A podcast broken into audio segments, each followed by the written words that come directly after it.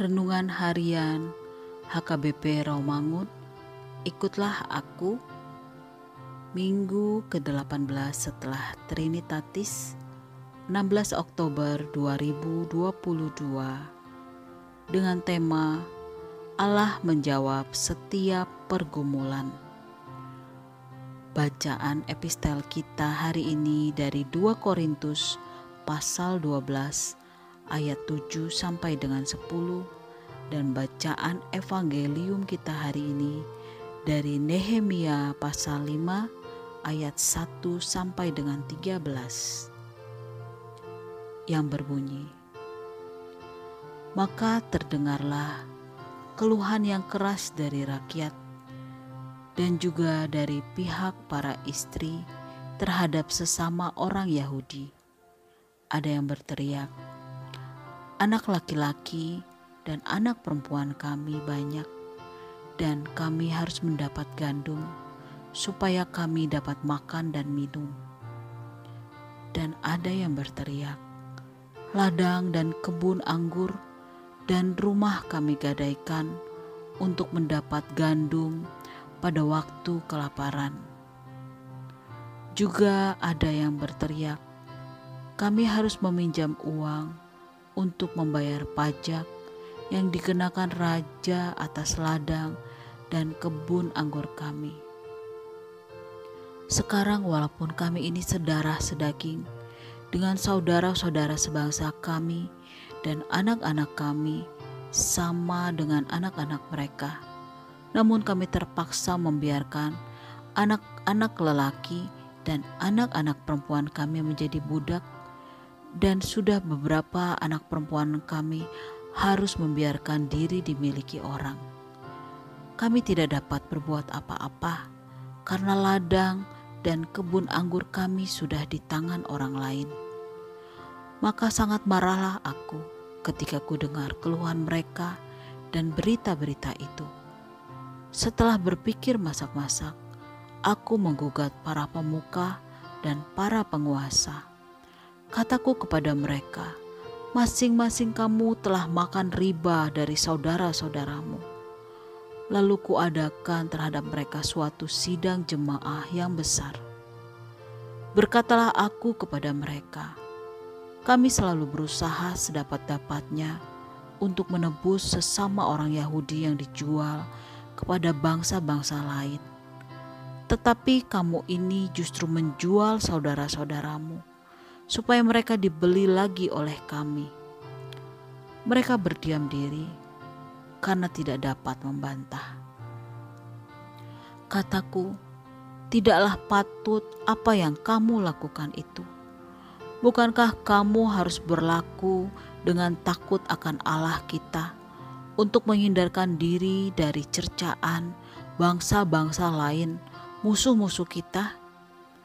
Juga aku dan saudara-saudaraku dan anak buahku telah membungakan uang dan gandum pada mereka. Biarlah kita hapuskan hutang mereka itu. Biarlah kamu kembalikan kepada mereka hari ini juga ladang mereka, kebun anggur, kebun jaitun, dan rumah mereka. Pula hapuskanlah hutang mereka yaitu uang serta gandum, anggur, dan minyak yang kamu tagih daripada mereka. Berkatalah mereka, itu akan kami kembalikan, dan kami tidak akan menuntut apa-apa dari mereka. Kami akan lakukan tepat seperti yang engkau perintahkan. Lalu aku memanggil para imam dan menyuruh mereka bersumpah bahwa mereka akan menepati janji mereka juga ku kebas lipatan bajuku sambil berkata, Demikianlah setiap orang yang tidak menepati janji ini akan dikebas Allah dari rumahnya dan hasil jerih payahnya. Demikianlah ia dikebas dan menjadi hampa. Dan seluruh jemaah berkata, Amin. Lalu memuji-muji Tuhan. Maka rakyat berbuat sesuai dengan janji itu. Demikian firman Tuhan. Sahabat, ikutlah aku yang dikasihi Tuhan Yesus. Setiap orang, apa pun statusnya, tidak akan pernah terlepas dari pergumulan. Apakah itu pergumulan yang berat atau ringan? Ada kalanya pergumulan itu bisa kita atasi, tetapi tidak sedikit yang membuat kita berada pada situasi yang seolah-olah tidak ada jalan keluar. Kehidupan bangsa Israel pada masa Nabi Nehemia juga demikian. Untuk memenuhi kebutuhan makan dan minum sehari-hari, mereka harus menggadaikan ladang, kebun anggur, rumah, dan menjual anak-anaknya untuk dijadikan budak untuk membayar pajak kepada raja. Mereka juga terpaksa meminjam uang kepada rentenir, sehingga hidup mereka selalu dililit oleh hutang. Ketika Nabi Nehemia mengupayakan kesejahteraan bangsa Israel, justru ia berhadapan dengan orang-orang yang mencari keuntungan dari kesulitan yang dihadapi oleh orang sebangsanya.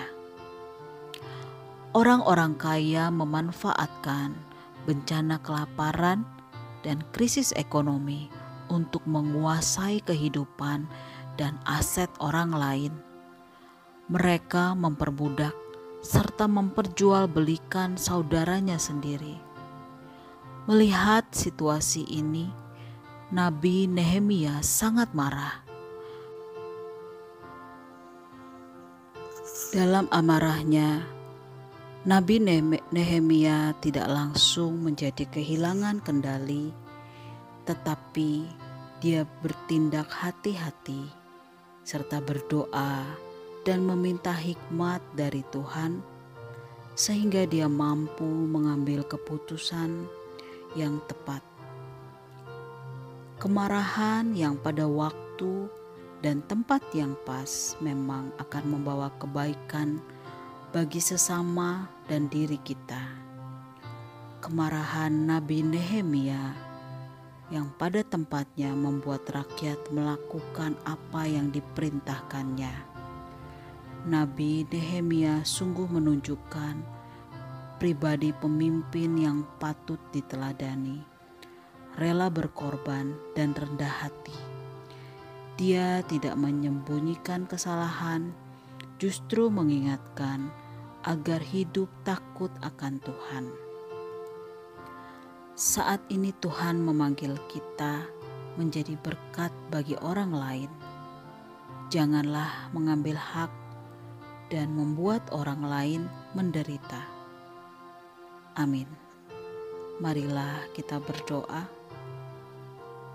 Allah Maha Kasih, pakailah kami jadi alatmu untuk menjadi berkat bagi orang lain. Amin.